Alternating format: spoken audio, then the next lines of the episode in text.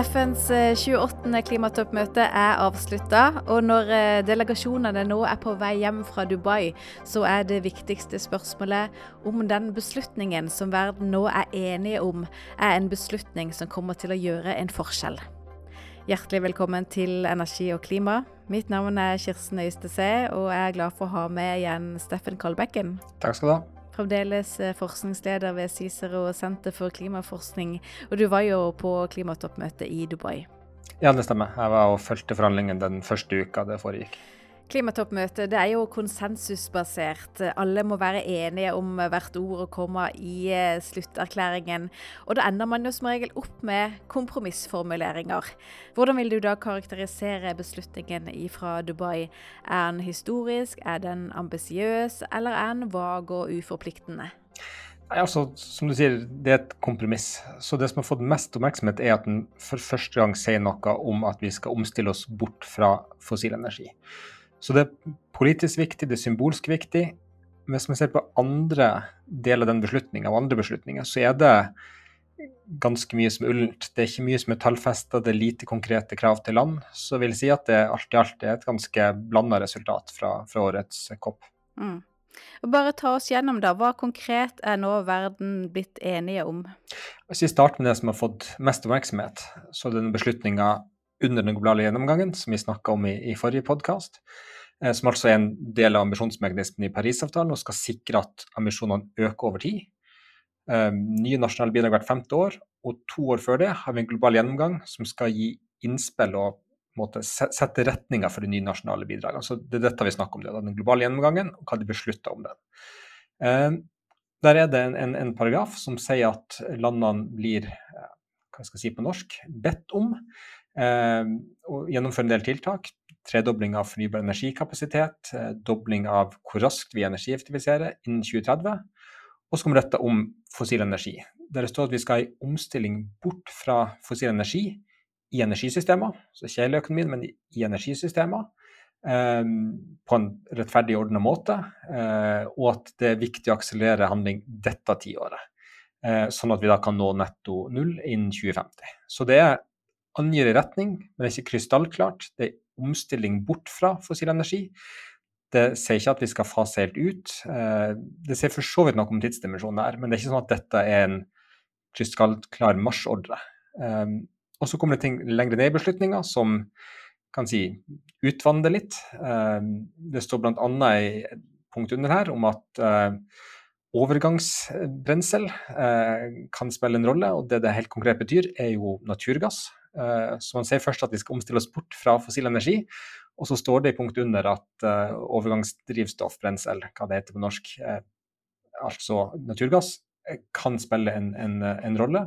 Så det åpner for en del. Dette er jo typisk noe som Russland og landene kjemper for skal være med der. Så man gir og tar her. Det er nytt og viktig at man ser noe klart om fossil energi men det er ikke vanntett. Det er ikke noe at dette betyr at alle land nå umiddelbart kommer til å gå i gang med omstilling bort fra fossil energi. Mm.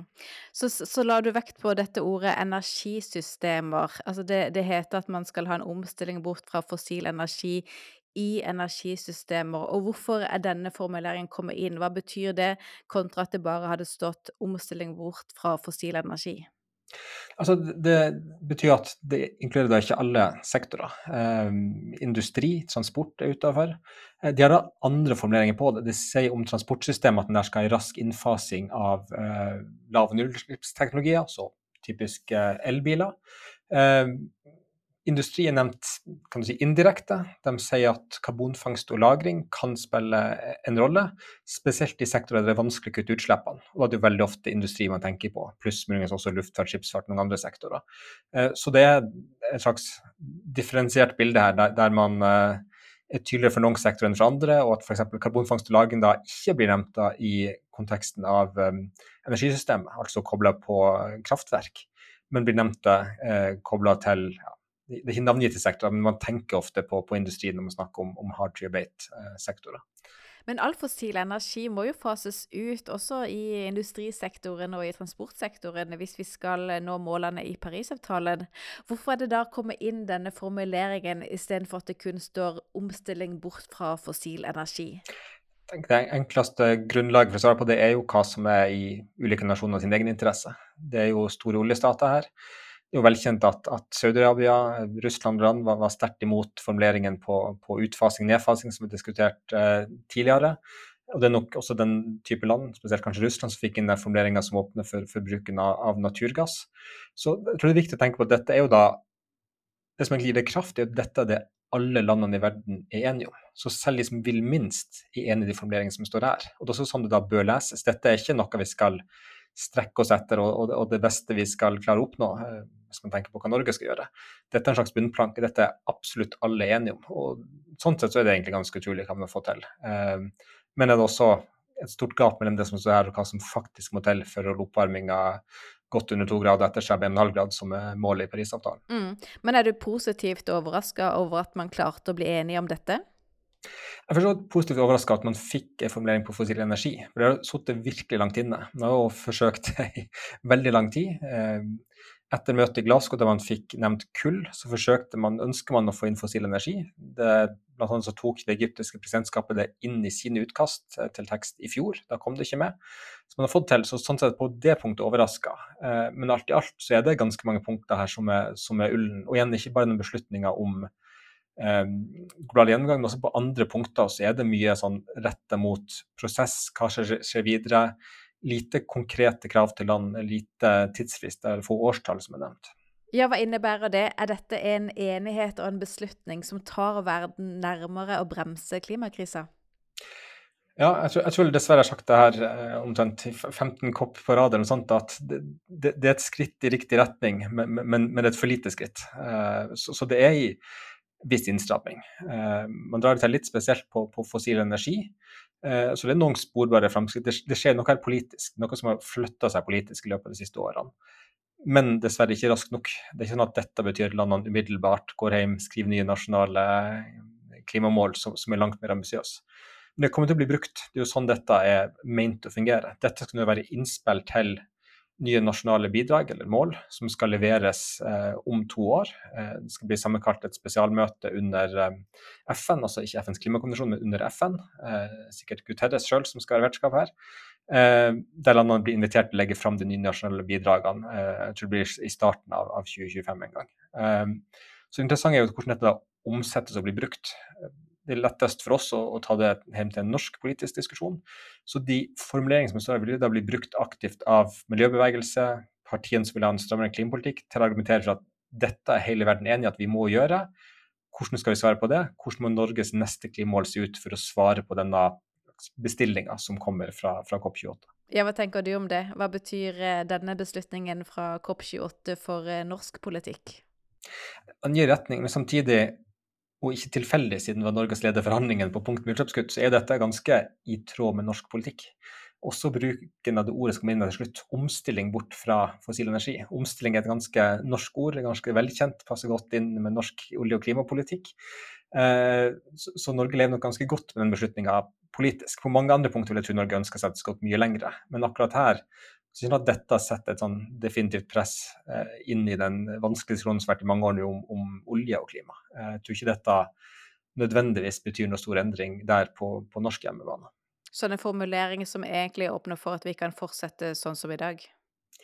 Altså, det står jo at vi skal eh, omstille oss bort fra at dette tiåret er kritisk. Eh, samtidig så vet vi at eh, altså forventningen er at norsk olje- og gassproduksjon skal gå ned over tid. Så det er spørsmål om hva som er tilstrekkelig. Når det da ikke er tydeligere tallfesta, tydeligere krav, så kan man jo si at vi beveger oss i den retninga.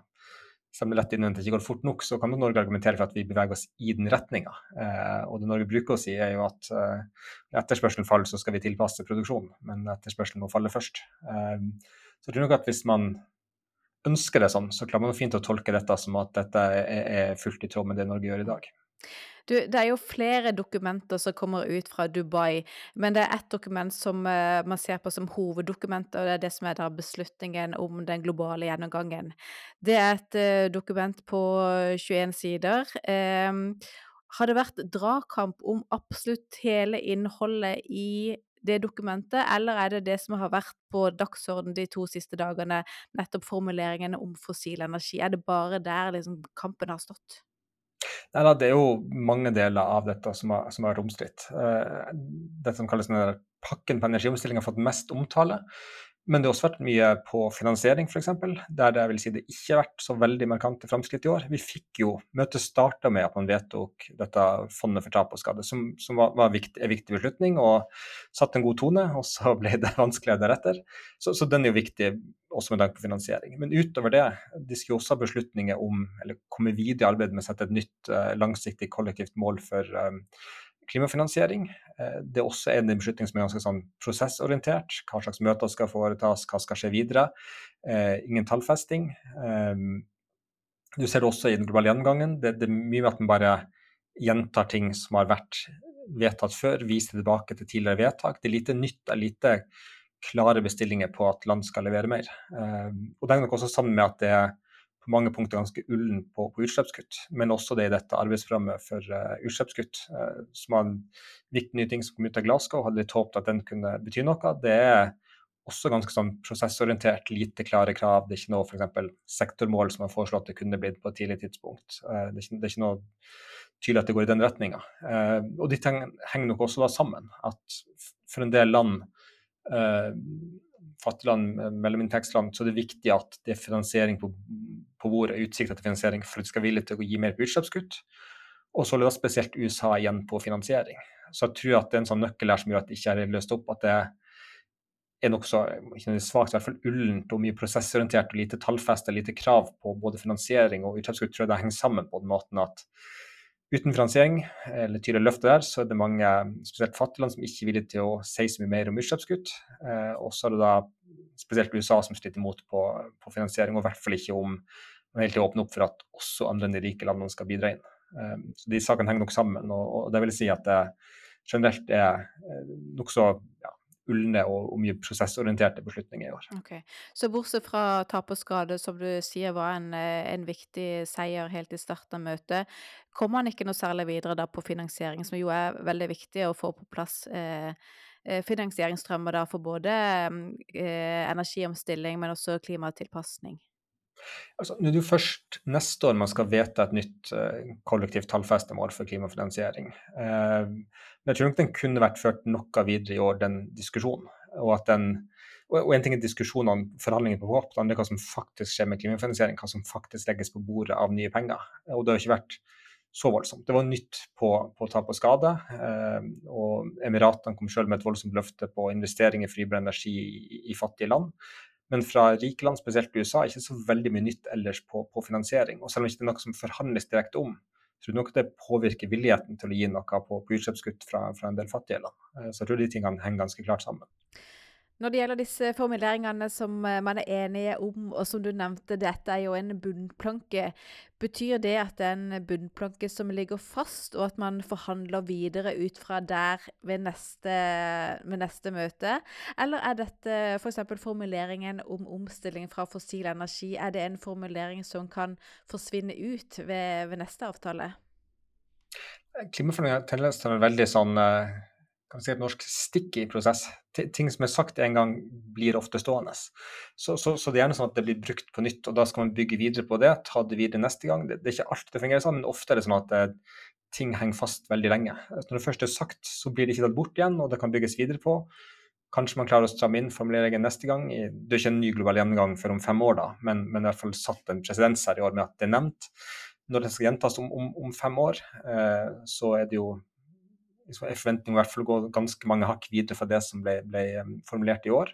Så driver prosessen videre, og at det, det blir brukt i de nasjonale debattene. Det gir jo kraft til argumentene for de som ønsker mer ambisiøs klimapolitikk. Spesielt å kunne tenke på at alle verdensland er enige om dette. Og det er også noe om å skape felles forventninger. Et viktig argument mot klimapolitikk er ofte at vi skal ikke utradere egen industri og la det blomstre opp i Kina, Saudi-Arabia, Vietnam, hvor enn ellers det kommer. Det er argument om karbonlekkasje den typen ting. Når man da vet at alle land har vært enige i formuleringen, så tar det bort noe av den krafta. Det gir litt mer tiltro til felles handling og gjør det litt mindre risikabelt å gjennomføre politikk sjøl. Så det er også et viktig poeng her. Og hvis det er troverdig nok, så endrer det også markedet. Det skaper forventninger der, det burde påvirke aksjepriser, investeringer. Hvis man tror på de, de løftene her, eller ikke løftene da, men at man ønsker å, å tredoble fornybar energikapasitet innen 2030, så skal det komme noen voldsomme investeringer i fornybar energi. Eh, Tror markedet så vil det utløse faktiske endringer på bakken. Eh, og det er jo positivt. Men igjen, det viktige er jo i hvilken grad man tror på det. Eh, historien er ofte den at man eh, delvis men ikke helt innfrir det som kommer ut av forhandlingsprosessen. Mm. Men det ligger ikke noe mer forpliktelser i det enn at man, man er enig om det, og at man tror på det i fellesskap. Altså både dette med å omstille seg bort fra fossil energi, tredobling av fornybar energikapasitet, dobling av energieffektiviseringsinnsatsen. Altså hva forplikter dette landet til å gjøre nå, når de kommer ut fra Dubai? Forpliktelsen er ikke så klar, bl.a. pga. ordbruken. De er ikke blitt uh, uh, kan man si på norsk, requested. De har blitt called upon. De har blitt bedt om å gjøre dette. Og dette er et sånn kroppsspråk koppspråk som alle forstår nyansene i? Det er et hierarki av ord her. Og, og dette ordet er ikke høyt oppe i hierarkiet over hva som er forpliktende. så det er, ikke, det er ikke langt fra det sterkeste ordet man kunne hatt om dette. så derfor så uh, jeg tenker En måte å se det på er jo at jo, man kan si det høres svakt ut, det ordet er ikke fullt ut forpliktende, men hvis du ser på den intense motstanden som er mobilisert fra eh, Saudi-Arabia, Russland, OPEC som sendte ut et brev som noen omtalte som panisk for å forsøke å stoppe beslutningen der, så forstår du at det likevel har noe betydning. Når motstanden er så intens, så er de redd for å få dette, de er redd for at det har betydning. Eh, og Det er et signal om at dette har en reell effekt. Og det er litt det samme som man ser med, med Parisavtalen. Den er jo ikke Eh, juridisk bindende med tanke på utslippskuttene og, og finansiering tilpasning. Og Likevel så skjer det jo handling. Eh, en ting som er viktig for meg, er at denne beslutningen om gjennomgangen åpner med å si at eh, det har vært framdrift mot målene. Ikke tilstrekkelig, men da den har vedtatt nasjonal klimapolitikk, vi kutter utslippene mer enn vi sannsynligvis ville gjort ellers. Så det er jo framdrift. Det betyr noe, selv om det ikke er direkte bindende og direkte utløser handling så påvirker det politikken, det påvirker markedene, det påvirker opinionen. Så gjennom mange si, mer indirekte kanaler så har det betydning å påvirke hva som skjer i den virkelige verden. Mm. Forventer du å se at dette, denne beslutningen fra Dubai fører til reell endring? Det er også et spørsmål om samspill med andre ting. Hva som skjer geopolitisk, hva som skjer i markedet med, med priser på ulike teknologier. Eh, men i hvert fall bedre enn om det ikke hadde sagt noe om, om fossil energi i år. Eh, så hvis det er alternativet, så er det i hvert fall bedre enn det. Men det blir som så ofte før at det, eh, det drar oss litt i riktig retning, men det kunne vært strammet til ganske mange flere hakk. Mm. Hvem er det som eh, reiser hjem fra Dubai og er fornøyde, og hvem er misfornøyde med det som man er blitt enige om? Spørs vel hvilken del av teksten du ser på, de mange ulike beslutninger. Men uh, jeg tror f.eks. at USA, land som USA er sikkert ganske godt fornøyd. De slapp billig unna på finansiering, det er nok språk de kan leve godt med her på energiomstillinga. De er nok godt fornøyd. Um, de mest ambisiøse landene og land sånn som småøystater var jo misfornøyd. De var visstnok ikke til stede i salen når beslutninga veldig raskt ble banka gjennom. Uh, de protesterte i, etterkant. Uh, de mener at det er positivt og bedre enn det forrige utkastet, men, men, langt fra nok for dem. Men at de protesterer, de er likevel enige i avtalen? Ja, ja altså det blir iallfall ikke en, dette er vedtatt, og det blir ikke noen omkamp om det, kan du si. Um, land som Saudi-Arabia og Russland er nok ikke superfornøyd. Det kom en informering om fossil energi. Samtidig så er det ikke så krystallklart, og det er en del unntak, bl.a. denne formuleringa som praksis gjelder naturgass. Uh, de er nok ikke superfornøyd, så det er jo blanda og, og, for litt ulike grunner. Uh, men det er sånn, i et kompromiss så, så, burde alle være både fornøyd og misfornøyd med ulike deler. Det er det som er et kompromiss. Hva er det viktigste vi må ta med oss fra dette møtet? Jeg tror denne, denne globale gjennomgangen sier mest av alt, er jo at vi har beveget oss noe i riktig retning. Så litt sånn, ikke gi opp håpet helt. Parisavtalen blir ikke innfridd over natta, men, men, de har beveget oss noen skritt i riktig retning. Og så trenger vi virkelig å få fart på omstillinga. Det har gått altfor tregt. Og det gjelder jo åpenbart Norge også.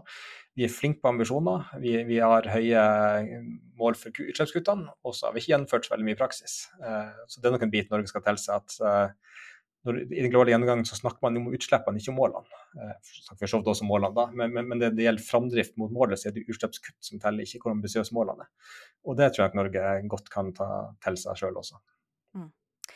Neste COP, COP29, det skal være i Aserbajdsjan, vel?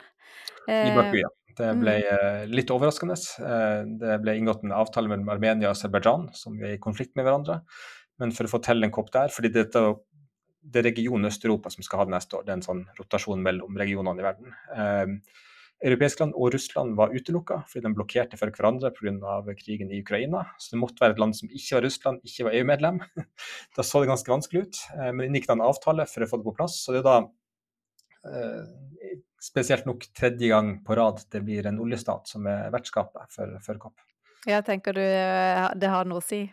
Altså, jeg jeg er litt spent på altså, Dubai er jo et autokratisk land også, men det har vært en ganske åpen prosess. Det har vært ganske bra, transparent eh, prosess. Jeg er litt mer spent på Baku neste år, helt klart under mye russisk innflytelse. Russland er ikke det landet som vil ha de mest ambisiøse utfallene av COP. Eh, jeg vet ikke om det er like godt organisert, eh, profesjonelt eh, diplomati som det Emiratene hadde i år. For det har vært et ganske godt leda møte i år, det, det, det, skal de ha. Spesielt sammenlignet med fjoråret Egypt, som var et forholdsvis kaotisk møte. Så jeg frykter litt mer at Baku kommer til å ligne mer på Egypt enn, enn, det, enn det ligner på Dubai. Mm. Men det skjer jo viktig arbeid mellom COP-møtene også. Hva er arbeidet som, som, du kommer til å følge med på, som er viktig for å få fremskritt i det internasjonale klimaarbeidet? Altså, dette arbeidsprogrammet for utslippskutt skulle gjerne skjedd mer på årets COP. Det fortsetter gjennom året. Det er også interessant at de ble ikke enige om, beslutningen om markedsmekanismene. Annet denne som artikkelen som gjelder bilateral handel mellom land. Der var en stor konflikt mellom USA og EU. USA ble ganske hva skal kalle det, løsslupne regler og EU et langt strengere regelverk. Altså EU støtter veldig mange andre land også. da. Hva ligger i eh, løsslupne regler? Ja, altså Det betyr at du ikke har tilstrekkelig innsyn, ikke er tilstrekkelig sikker på at det er reelle kutt. Eh, okay. Ganske sånn eh, fritt fram.